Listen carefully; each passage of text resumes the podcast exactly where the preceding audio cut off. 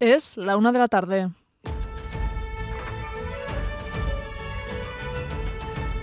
Crónica de Euskadi con Irache Ruiz.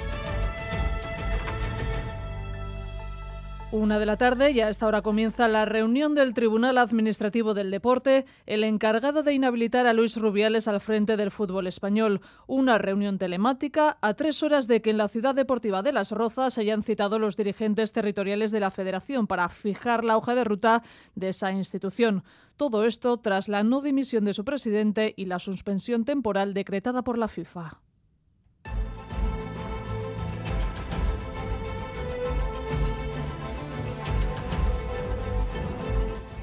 A Rachaldeón, ¿qué tal la actualidad deportiva, pero en particular la que excede de lo deportivo y sus consecuencias siguen copando los principales titulares? Madrid, Miquel Arregui, ¿qué se puede esperar de la reunión del Tribunal Administrativo?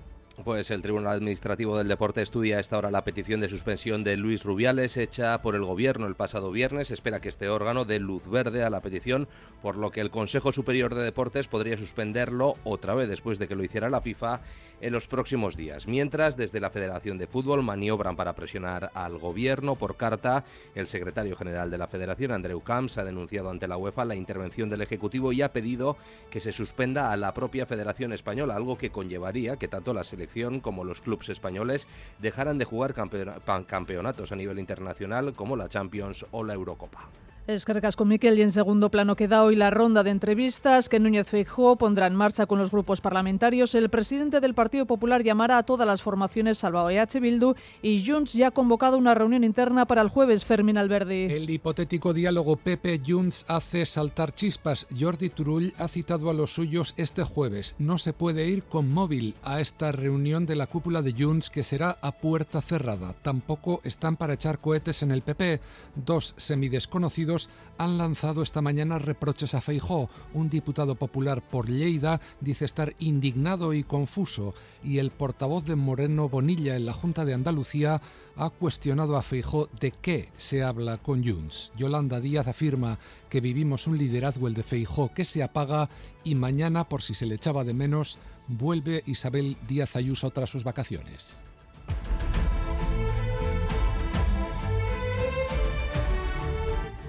El sindicato Lava advierte de que el próximo curso político será caliente. En el Boulevard de Radio Euskadi, el coordinador general Igor Arroyo advertía de que se sucederán las huelgas para reclamar subidas salariales. Unas movilizaciones que dice podrían pasarle factura al gobierno de cara a las elecciones previstas para la primavera la cuestión del IPC es una cuestión de mínimos, pero la ambición de los trabajadores y trabajadoras debe ir más allá ¿no? y eh, que se dignifiquen unas condiciones eh, laborales que se han precarizado mucho. Eh, hemos salido de un curso con muchas movilizaciones y huelgas y prevemos también que este curso va a ser la tónica general, esas movilizaciones y esas huelgas. En las Baleares continúan a la espera de ser reubicados el centenar de vascos que ayer sufrieron las consecuencias de la cancelación de su vuelo por el fuerte viento en las islas. Acabamos de hablar con una de ellas, Aranza Menchaca, está en Mallorca y le han comunicado que no embarcarán hasta el miércoles. Es como si nos hubiésemos sentido como abandonados. Dices, bueno, pues tiraos todos. Bueno, más cómodo también hubiese sido que ellos nos buscaran un reloj, ¿no? Pero que va, ellos no, que ya nos dijeron que eh, viene a decir que nos busquemos la vida Y anuncio polémico por parte del Ejecutivo francés. A una semana de la vuelta al cole acaban de anunciar que las chicas musulmanas tendrán prohibido acudir al aula con túnica. Andoni Liceaga. Una ley de 2004 prohíbe expresamente los distintivos religiosos en la educación para respetar el principio de laicidad. El ministro Gabriel Attal, el nuevo ministro de Educación, ha anunciado su prohibición. La c'est pas une contrainte, c'est une liberté. La laicidad no es obligación, es libertad. Forjarse una opinión y emanciparse mediante la escuela. En clase no se debe saber la religión del alumno cuando lo miras. Dice que las eh, denuncias por no respetar esa ley han aumentado un 150% en los últimos dos años. En la quincena musical, el grupo Euskal Barrock Ensemble presentará hoy El Amor Brujo, esencias de la música de Manuel de Falla. El espectáculo recopila músicas antiguas y populares en torno a El Amor Brujo de Falla, además de hilar fragmentos de obras de diferentes compositores, como el concierto de Aranjuez de Rodrigo. Enrique Solinís, director artístico. Recoge eh, diferentes mm, partes, digamos, de lo que es el espectro musical por un lado la música clásica, por otro lado la música tradicional, por otro lado la improvisación. O sea, lo que para los de Euskal Barroco Ensemble concebimos que es la música, eh, pues que es una... Queremos abrir un poco el espectro a la improvisación, al interés por las músicas tradicionales.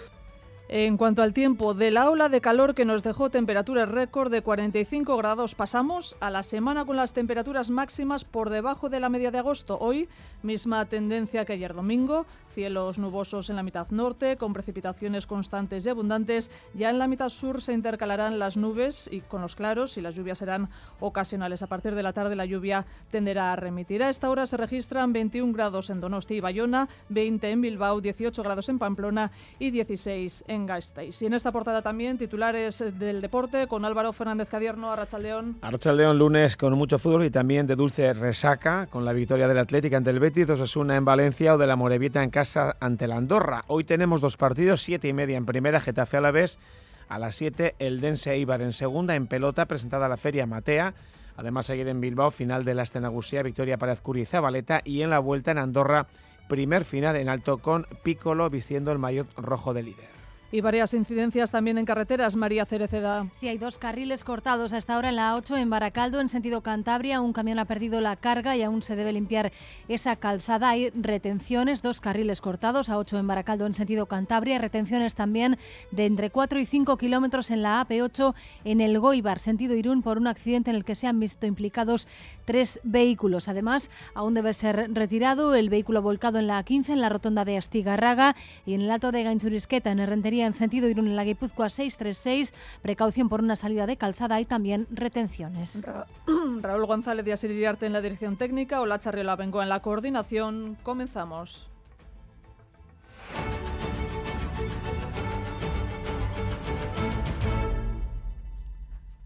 Una y siete minutos. Comienza esta hora, lo ha hecho, debería haberlo hecho a la una en punto, la reunión telemática de los siete miembros del Tribunal Administrativo del Deporte. Es el órgano competente que debe estudiar la denuncia presentada por el Consejo Superior de Deportes, que considera muy graves las infracciones cometidas por el jefe del fútbol español. De esta reunión se espera la suspensión de Rubiales, que iría en paralelo a esa suspensión de 90 días ya dictada por la FIFA. Y por otro lado, esta tarde se dan